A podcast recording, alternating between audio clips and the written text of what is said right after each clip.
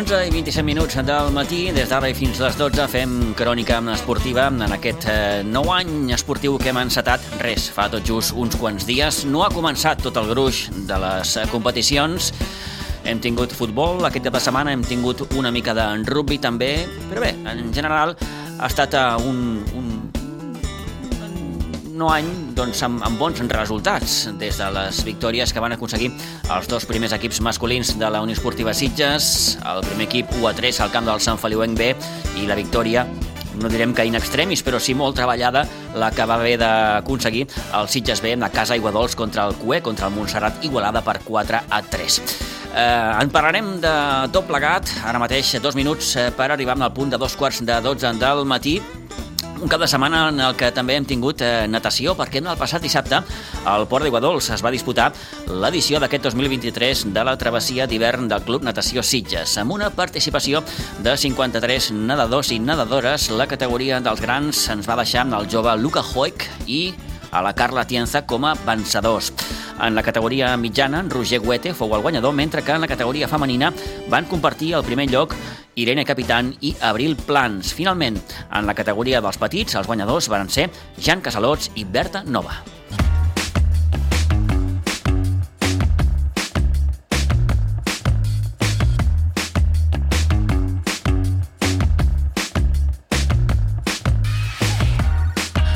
Obrim plana futbolística amb la preferent de juvenils, victòria del juvenil A de la Blanca en el retorn d'en Raül Aroca a la banqueta. Els sitgetans es van imposar per 1 a 5 al Manresa en partit de la tretzena jornada amb gols d'Héctor, que va fer doblet, Cardiel i Sol Aguado. Després d'aquest triomf, la Blanca suma 15 punts, ocupant l'11è lloc de la classificació.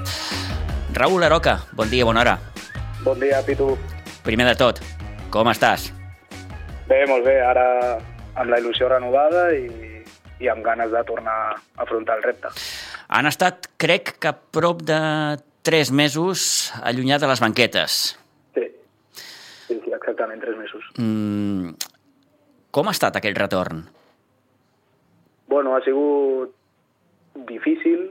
Uh, durant aquest període de temps doncs, he desconnectat moltíssim del futbol i de tot el que té a veure amb la Blanca i bueno, fa un, gairebé un mes, dos, tres setmanes, vaig començar a venir un altre cop, vaig veure alguns partits, i bueno, vaig, vaig parlar amb l'Agus, que encara no havia parlat com a, com a president, i bueno, vam decidir, jo em sentia amb forces i amb, i amb ganes, i, i vam decidir entre tots una mica que aquesta seria la setmana per, per tornar.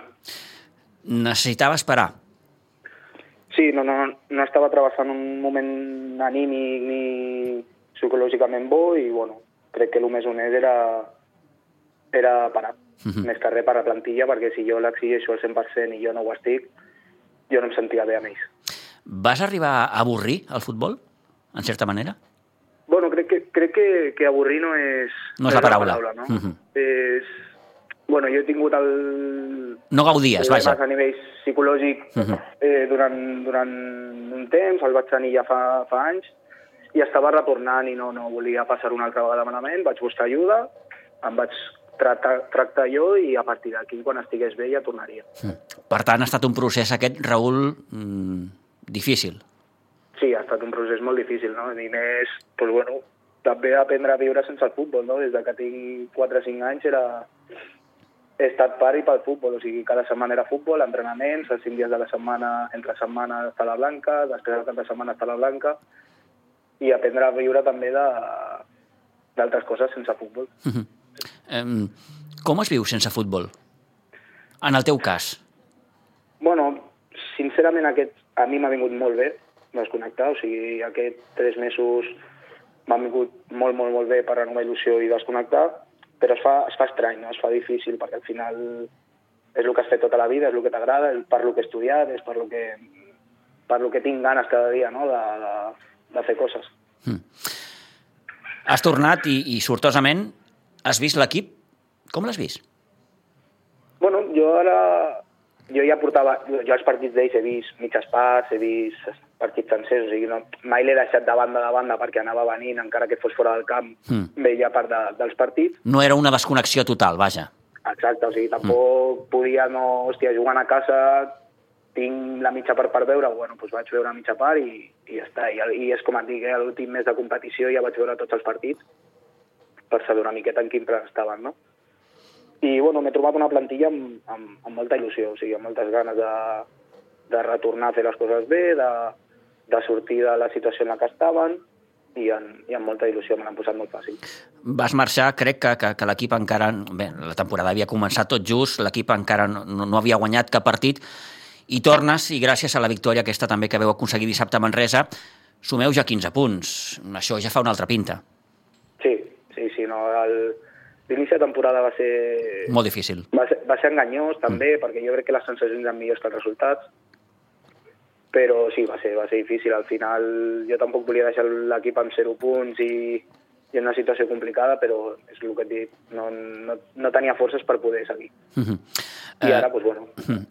Entenc que has trobat un vestidor, vaja, mm, encantat amb, amb, amb, amb, la teva, amb la teva presència de nou, perquè el que sabem, i segons ens van comentar des del mateix club, és que, que, que l'equip havia quedat tocat quan, quan tu vas decidir que, que, que feies un pas al costat. Sí, sí, sí, per mi, per mi va ser el més dur. Mm. Quan, quan ho vaig deixar veure, veure el vestidor trencat i veure el vestidor enfonsat va ser, van ser dies molt, molt, molt difícils. I, I sí, com tu dius, o sigui, el vestidor... Jo vaig començar dimarts, estava encantat, estava il·lusionat i, i a partir d'aquí és el que et dic, m'han posat molt fàcil. Mm -hmm. I ara és com diu aquell, no? dia a dia, entrenament, entrenament, eh, i, i bé, aquesta victòria per 1 a 5 a Manresa, que, que, que, que us dona 3 punts més, Raül, i vaja, les coses, com et deia, ja es veuen d'una altra manera. Sí, tant, tant. Crec que era, era una setmana difícil per tornar, perquè et jugaves la vida una miqueta, entre cometes, allà a Manresa, que era un rival directe per, per la permanència, però, però és que jo penso el mateix que pensava al principi, és un equip que, que a nivell de qualitat i a nivell d'experiència que ja la tenim de l'any passat, crec que podem estar a la meitat alta de la taula. No? Ara toca un altre objectiu, és salvar-se, és fer les coses bé per salvar-se com l'any passat, però crec que si fem les coses bé hem de sumar punts. Queden, si no, si no m'equivoco, dos partits per, per tancar la primera volta. Jugueu dissabte aquí al Nou Pinsbens contra el Sant Boià, un equip difícil, està a la part alta de la classificació, i tanqueu la primera volta jugant al, al camp del, de l'Ull de Cona, que és el penúltim. Sí. Mm, anem a pams, com veus el partit de dissabte?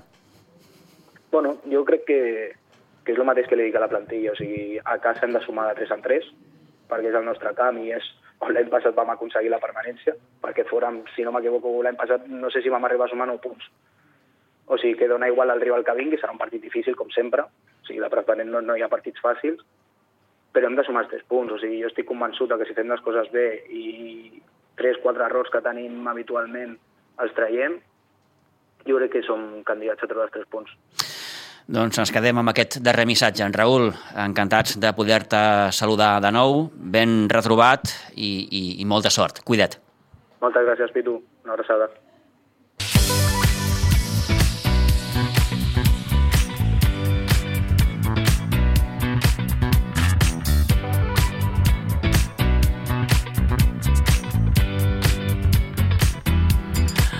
Bé, doncs amb Raül Aroca hem pogut eh, conversar en aquests minuts després d'aquest retorn a la banqueta de la juvenila de la Blanca, Born retorn, gràcies a aquest 1 a 5 que va aconseguir l'equip a Manresa el passat dissabte.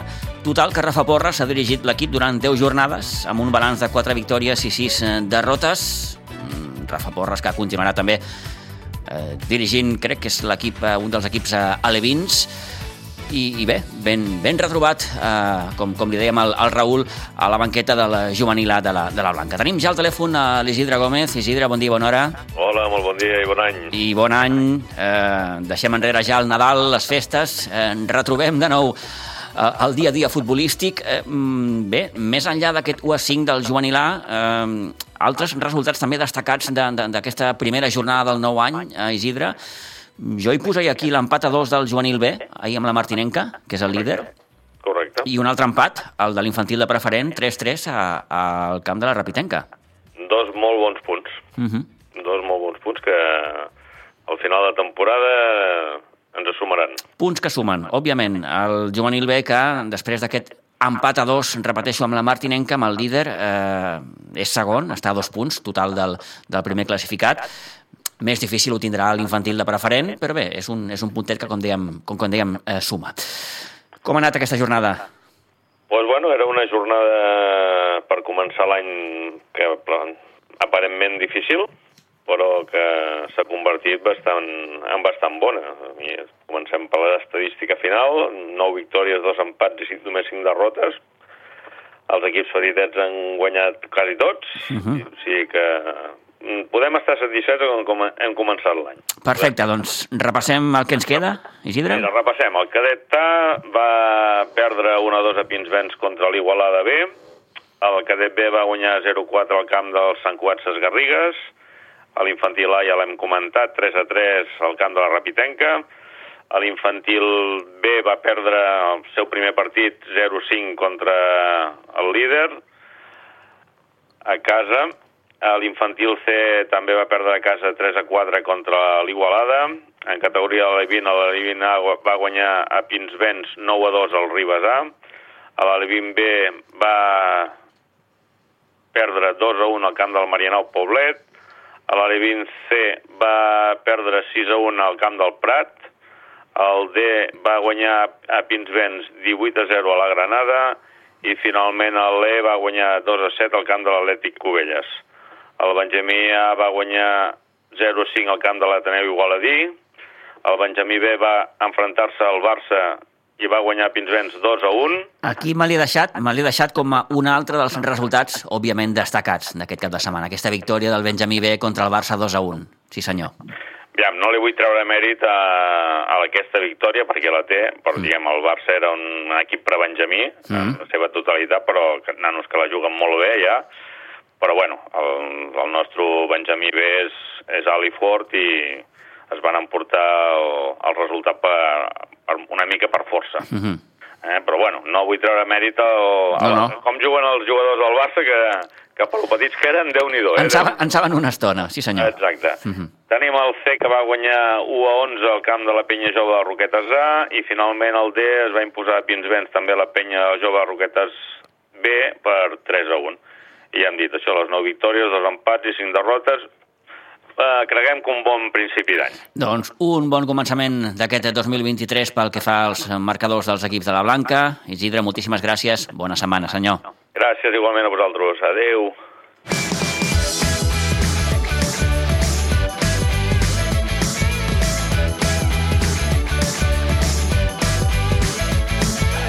I un partit de la 14a jornada amb la segona catalana en el seu subgrup 3B amb la victòria de la Unió Esportiva Sitges 1 a 3 al camp del Feliuenc B, els gols d'Edgar Dobles i un doblet de Geri. Doncs, van permetre aquests 3 punts i recuperar doncs, les bones sensacions que s'havien perdut una miqueta abans de festes, sobretot amb la derrota al camp del Gavà, tot i que l'equip havia aconseguit guanyar a la penya jove abans del parèntesi de les vacances de Nadal. Toni, bon dia, bona hora. Bon dia, Pitu. El Sitges en la seva línia. En la seva línia, sí, va jugar un partit molt complet i això que no va tenir fàcil la primera part, perquè de fet ells eh, doncs, van muntar eh, dos línies de cinc. Eh, el seu entrenador sabia, era conscient de no deixar l'espai als Sitges, però tot i això, la primera part el Sitges va tenir les seves opcions, over fins i tot de falta. Per mi, un dels destacats en aquest partit va enviar una pilota al pal i doncs al minut eh, 42 una molt bona internada de Jota, eh, xuta, dona el pal i allà està Edgar Dobles i marca el gol, el 0-1. Obre la llauna, no? A partir d'aquí ja... Vuitè gol d'Edgar Dobles, eh, que està en un moment de forma també extraordinari. Sí, sí, està jugant molt bé, a més a més és un jugador que l'ha aprofitat tot molt bé, i ell obria la llauna i així s'anaven al descans. A la segona part, clar, ells se van tenir que obrir i a partir d'aquí ja va començar doncs, a jugar bé els Sitges per les bandes, en una jugada de J. J. Víctor i Geri, doncs Geri marcava de cap el 2 a 0, el 0-2, eh, i també una jugada molt bo per la banda eh, que anava molt bé, doncs Víctor Morillas eh, li passa a Llerí d'un bon remat fa el 0-3. El gol d'ell arriba al minut 90, abans fins i tot Jota té dos, o, eh, Josele, perdó, té dos ocasions claríssimes, una se l'anula l'àrbitre, per mi un bon arbitratge eh, d'aquesta noia, doncs l'àrbitre se l'anula per fora de lloc i el segon davant del porter doncs l'envia alta, no? de, de voler l'envia alta. El Sitges pot eh, guanyar per més diferència, al final doncs ells marquen, eh, escurçant diferència un gol anecdòtic perquè ja era minut 90 i acaba tot amb un gol a 3. El Sitges que recupera el liderat gràcies també a l'empat 1 a 1 del Cubelles amb el Moja, un Cubelles que, atenció, portava 7 jornades consecutives guanyant. Sí, el que passa que, així com el Gabal agafa la línia al, com jugar-li als Sitges, doncs eh, Manel Rodríguez sap com jugar-li al Cubelles, i els dos partits que ha empatat han sigut amb el mateix resultat, empat a 1. Tenim al telèfon el tècnic de la Unió Esportiva Sitges, el Toni Salido. Toni, bon dia, bona hora. Hola, Vitu, eh, i bon any. Bon any, que, que, que hem tingut ocasió encara de, de poder-nos desitjar aquest bon any. Eh, bé, mm, heu començat com, com, com va acabar el 2022, amb, amb victòria. Sí, sí, la verdad que, hemos empezado bien. Eh, un partido que, la verdad que estuvimos a un buen nivel. Después de, de lo, los parones de, fiesta y los días raros de entreno, pues, pues la verdad que había que ver al equipo y la verdad que el equipo hizo un, gran trabajo. Estuvimos muy bien con pelota. Eh, la verdad que en la primera parte ellos se encerraron con prácticamente dos líneas de cinco en en, la, en, en, su campo y la verdad que, bueno, eh, sí que nos faltó un poquito del último pase, del último control, pero, pero realmente tuvimos ocasiones y, la, bueno, cuando abrimos la lata en el minuto 42 creo que ahí canvia, canvia, canvia rumbo favorable a nosaltres. Et preocupava aquest partit, Toni? Deies, no? Partit després de festes, eh, els entrenaments, doncs, una miqueta tampoc són el que, el que són habitualment, eh, costa arrencar... Clàssic partit, repeteixo, després de, de Nadal. Sí, sí, eh, sí que preocupaba. Eh, preocupaba porque, bueno, eh, entre el descanso que hizo la federación, bueno, que teníamos nosotros de descanso, después el, el, descanso de federación, después el descanso de Navidad y, bueno, al final eh, vas interrumpiendo el ritmo y, y la verdad que preocupa por, por tema de lesiones, gente que, que, que, que se carga más de la cuenta eh, y bueno, y ahora veníamos de unos días de fiesta que, que entrenábamos lunes, martes, miércoles y teníamos el, la víspera de Reyes y Reyes por medio y pues bueno, eh, siempre te, te preocupa un poco, ¿no? Pero la verdad que, que, que estuvo, estuvimos muy bien, la verdad. Uh -huh. um, tres punts que uh, us permeten recuperar el liderat, perquè, com dèiem, el Cubelles uh, es va deixar dos punts al seu camp, amb aquest empat a un amb el, amb el, amb el Moja. No sé quina importància li dones, Toni, a aquest aspecte.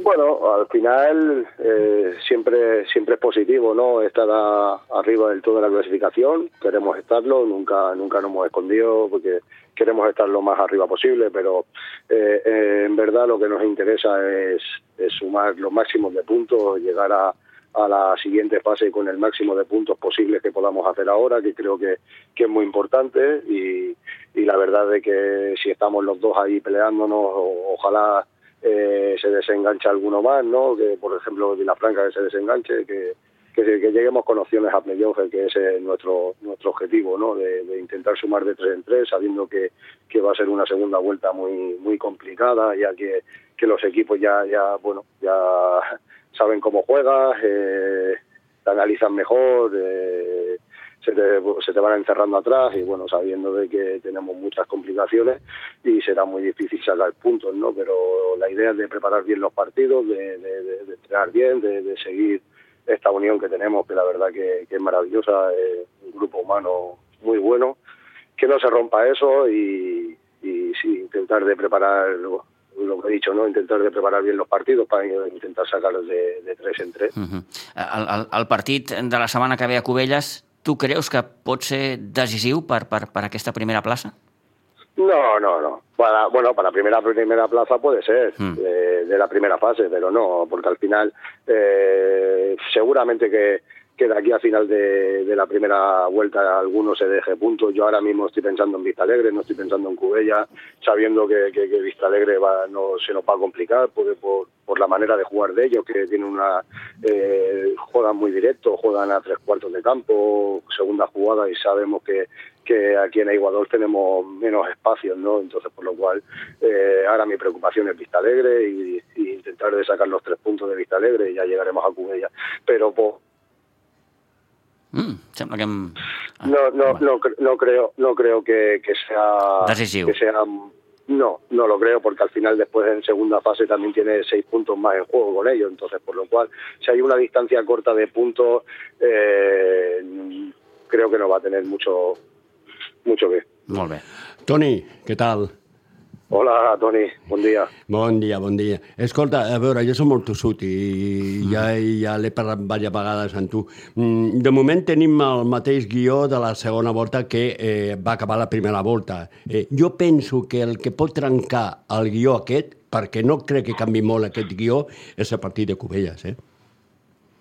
Bueno, sí, pero eh, te vuelvo a decir, al igual sí, sí, ojalá, ¿no? Que, nos fuéramos con, muchos puntos los dos a la siguiente fase, pero con un con, con, una distancia corta de puntos no no no va a pasar nada porque después hay un playoff con, con los seis mejores equipos y ahí ahí va a ir todos los van a ir todos a cuchillo entonces por lo cual seguro que algunos se deja puntos y después ahí vuelves a tener eh, seis puntos más en juego en rivalidad directa, entonces mm, hay, que jugar, quedan muchas jornadas, eh, hay que pensar que esta semana hay Vista Alegre y hay que sacar los tres puntos de Vista Alegre, no vale de nada no sacarlos de Vista Alegre y ganar a Cubella. Entonces, porque al final son tres puntos igual. Entonces, ahora hay que pensar en Vista Alegre, eh, centrarnos muy bien en, en lo que nos viene eh, preparar el partido lo mejor que podamos y, a partir de aquí, cuando salgamos del sábado de, de, Ecuador,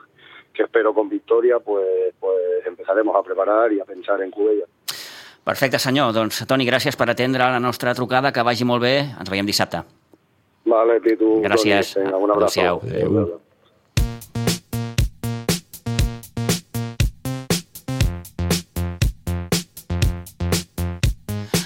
Sí senyor, dissabte Toni, Vista Alegre, un Vista Alegre que tot i estar en hores baixes ve de guanyar el seu partit amb el Sant Vicenç dels Horts. Sí, sempre és un rival perillós. Sempre ho eh? és, sigui, Ten... sigui primer, sigui segon, sigui cué, és complicat i tenint en compte que és l'equip que l'ha fet més gols als Sitges, que l'ha fet tres gols uh -huh. eh, en tot el campionat. Eh, bé, serà un partit complicat, però jo crec que els Sitges, doncs, aquí al municipal, eh, ara és molt Sitges. Ha de fer-se molt fort, molt fort. Parlem també de la tercera catalana, en el seu grup 12, partit també de la 14a jornada amb el Sitges B, que va aconseguir el seu vuitè triomf a casa, per tant, segueix imbatut a Aiguadols gràcies a la victòria 4-3 davant el Montserrat Igualada. Partit difícil, mala primera part en línies generals del conjunt sitgetà, tot i que va començar marcant amb l'1-0 que anotava Hugo Pavi al minut 28 i res, en qüestió de 10 minuts, del 31 al 40, el Montserrat Igualada marcava 3 gols i marxava al descans amb un 1 a 3 que demanava una millora i una reacció per part dels sitgetans. Pau Junyent, al 72, Joan Riera, al 83 i Bruno Sistiaga, al descompte, feien realitat la remuntada per acabar enduent-se amb el triomf, com dèiem, per 4-3 i mantenir l'imbatibilitat a casa. Aquests 8 partits guanyats. Que és ni, molt, eh? Ni cué ni, ni històries. No, no, no. Eh, sí, sí que el Montserrat Igualada no em va semblar tampoc un, un, un mal equip, però bé, potser sí que moralment està un, un xic tocat, però, però el Sitges que va haver de, de capgirar la situació. Sí, el que passa que és un equip, eh, aquest Sitges B, eh, doncs que té això, eh, que pot començar molt malament i acabar molt bé, perquè mai dona el partit per perdut i lluita fins al darrer segon. Uh -huh. Doncs això li va permetre aquesta victòria per 4-3, eh, probablement això ho podríem titular la victòria de la fe, tal i com reconeixia també el mateix entrenador Àlex Villalgordo en acabar el partit. Sí, de la fe i al final del creure perquè sí que és veritat que és l'últim classificat, però sabien que venien de fer... Els últims, els últims partits ja no perdien per golejada, sinó que els hi costava més. Contra Olivella van estar a punt d'empatar. La sort, pues que és un equip que moralment està molt, molt, molt, molt enfonsat, pobres, eh, i s'ha vist que la que hem fet el segon gol hem tingut moltíssimes ocasions i al final mira, han tingut o la sort o l'encert de, de poder capgirar el marcador que al final era una fita bastant difícil eh, a mitja part i, i content pels tres punts. Anem a Pams. Eh, mm, quina lectura fas dels primers 45 minuts d'aquest 1 a 3? Jo, eh, al final, quan hem parlat al principi del partit, el, el que els volia transmetre als jugadors, que potser no s'ha pigut, és que en aquests partits s'ha de veure el gent guanyador de cadascú, el gent, el, la genètica aquesta campió de qualsevol rival pot guanyar, s'ha de tenir respecte per tots i anar al 100%. Jo crec que la primera part no hem competit bé, s'ha vist en duels directes, s'han vist a segones jugades, eh, en accions de córner en contra, que ens han fet un gol, eh, en accions de córner a favor, i no es veia un equip, no es veia la identitat que el Sitges té, que és d'atacar, de voler, de voler, de, de no parar, de cedir a la, de la porteria contrària, no, no s'ha vist la primera part, i jo crec que la segona part també arrel de, de marcar el gol i que ells han baixat una mica, pues sí que s'ha vist això. Mm heu cregut i a la segona part, eh, el segon gol obre de nou la, la, la possibilitat de, de poder com a mínim empatar, s'aconsegueix l'empat i ara aquest últim golat, golàs del Bruno que, que us dona la victòria. Um, no sé si dir clàssic partit, postfestes, eh, setmana complicada... Sí. sí, una mica de tot. A veure, al final no és excusa perquè ells també han tingut eh, festes i vacances, però normalment es veu més perjudicat l'equip que està en bona dinàmica perquè se li trenca una mica i a l'equip que està mala dinàmica és com que bueno, potser li serveix per resetejar i, i, fer, i fer nou. Eh, com dius, el segon gol ens ha donat la vida per poder remuntar. Si, si haguéssim trigat una mica més jo crec que no haguéssim arribat, però bueno, aquests avals és que jo no em canso de dir que, que és una meravella, que creuen sempre fins al final, que saben el que poden fer i, i confien i, i, i la mostra està és que bueno, han capgirat un, una, un 1 a 3, que no és fàcil. En uns moments hem pensat que els Reis us deixaven carbó. Sí, sí, sí, carbó i que s'emportaven els 3 punts, sí, sí que... I perillava, per tant, aquesta ratxa de victòries que porteu aquí. Sí, és que també, bueno, ara contem... De moment continuem eh, comptant les, les jornades a casa en victòria, que és important. Eh, ara ens ve un calendari fort, però era importantíssim guanyar perquè així afrontes millor més a prop aquest, aquests 4 o 5 partits que ens venen que són molt difícils, seran molt complicats i que els afrontem amb la màxima il·lusió. Sé que a vosaltres els entrenadors us agrada molt anar al partit a partit, però ara ho deies, no? us veu un calendari ara que fa pujada, Olivella, Riu de Villes, Atlètic Vilanova per tancar la primera volta i obriu la segona al Vilanova del Camí. Quins quatre partits? Sí, lògicament nosaltres plantejarem partit a partit perquè al final fer altres coses el cuento de la lechera i no serveix de res perquè al final tu, demostra... podia haver demostrat avui que perds un partit contra l'últim i ja s'esfuma tot el que havies pensat. Eh, però bueno, el fet d'anar tan bé i estar en posicions davanteres pues fa que, ostres, miris una mica més pues, contra qui juguen els rivals, eh, com han quedat, eh, quines jornades ens venen després, i això és fruit de que estem fent les coses molt bé. I has demanat algú especial el 2023? Molta salut eh, per tothom, eh, que tinguem les mateixes ganes d'entrenar, de jugar, de competir i que seguim fent aquest camí que estem fent, que jo crec que estem avançant molt bé i després, si els resultats venen, pues serà la, la cirareta del pastís, però el principal és la salut i, i fer les coses amb alegria. Olivella, dissabte que ve partit complicadíssim i, i més a casa seva. Però bueno, anirem allà, intentarem tapar les seves virtuts, que són moltes, intentarem poder utilitzar les nostres armes, que també són moltes, i jo espero que es vegi un partit maco eh, i que puguem guanyar, clar. i que per cert no serà gens fàcil guanyar a Olivella, un Olivella que en aquesta última jornada, Toni, va guanyar 1 a 7 al camp de l'Atlètic Vilanova. Mm -hmm. Va decidir la segona part, eh? va decidir la segona part. Té un molt bon equip. A mi m'ha agradat molt a l'Olivella. De fet, ja fa diferents partits que l'he vist jugar i m'agrada la feina ja que fa dies fent. que et sento dir que aquest Olivella et fa, et fa bona pinta. Bona pinta. Mm. Idris ha fet molt bona feina, eh, té un equip bastant... Eh, bastant Arreglat. potent, eh? Mhm. arregladet, entre veterania i gent jove, i no serà un partit fàcil pel Sitges. El que passa que doncs, la virtut dels Sitges és aquesta, que no dona mai el partit per perdut, i això eh, pot donar-li doncs, el fet de sumar al camp de l'Olivella, que no serà gent fàcil. Uh -huh. Al Sitges B li ve doncs, un calendari que, com li preguntàvem a l'Àlex Villa, doncs, li fa pujada. Olivella, Riudevilles, Saleti, Vilanova, l'últim partit de la primera volta, Vilanova del camí per començar la segona, però bé, l'equip encara està segon, està a sis punts del Vilanova del camí, i com deia el míster, mm, anem a plantejar això eh, setmana a setmana, no, no vulguem fer masses masses càbales, perquè si no després és quan ens posem nerviosos. Bé, doncs, això pel que fa a la jornada futbolística. Eh, parlem també de rugby per acabar, perquè en partit de la desena jornada a la divisió d'honor B, el Rugby Club Sitges va perdre amb el València 31 a 10, un maig que al descans el conjunt valencià ja dominava per 31 a 3, L'únic assaig eh, del Sitges el va protagonitzar Nico Moletti. La crònica del partit ens l'ofereix l'entrenador del Rugby Club Sitges, Camilo Hanglin. Bon dia, Pitu. Aquí Camilo, del Rugby Club Sitges. Espero que tingut unas buenas festas y os deseo un próspero año nuevo. Eh, Pitu, este sábado fuimos con el señor masculino a jugar contra el Rugby Club Valencia, uno de los punteros de nuestra categoría. Como siempre, nos acercamos a Valencia con el objetivo de mejorar nuestras sensaciones como equipo y continuar construyendo nuestro juego de cara a la segunda ronda de partidos, a la segunda parte del año. Salimos temprano, un viaje rápido, unas horitas, y nos cambiamos y calentamos. El primer tiempo lo iniciamos con bastante eh, dormidos, un poquito fríos, digamos, y el ímpetu del Rugby Club Valencia eh, fue demasiado para nosotros y durante el primer tiempo fue todo para ellos. Terminó con un resultado parcial de 31-0, que parecía que nos iba a caer en el segundo tiempo la del pulpo. Pero los chicos hicieron una gran remontada anímica y en el segundo tiempo fue para nosotros. Eh, hicimos un resultado parcial de 0 a 10 y con un resultado final de, de 31-10, el partido para ellos claramente, pero, pero nos deja muy buenas sensaciones, sensaciones a esta, de cara a esta segunda parte del año, de seguir construyendo ¿no? nuestro juego de a poco y los partidos que vienen son los importantes ahora en la segunda parte del año, que veremos cómo va.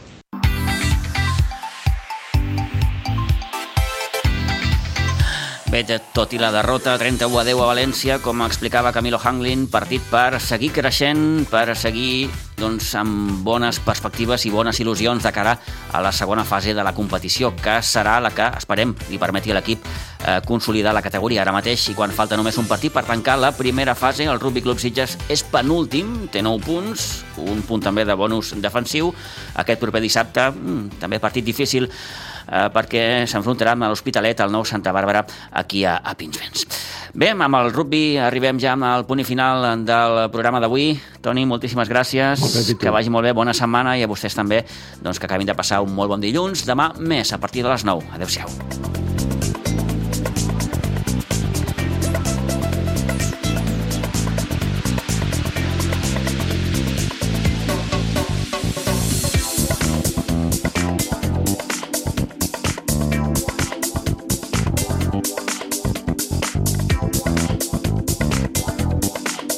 Ràdio Maricel, cada dia, al matí amb nosaltres.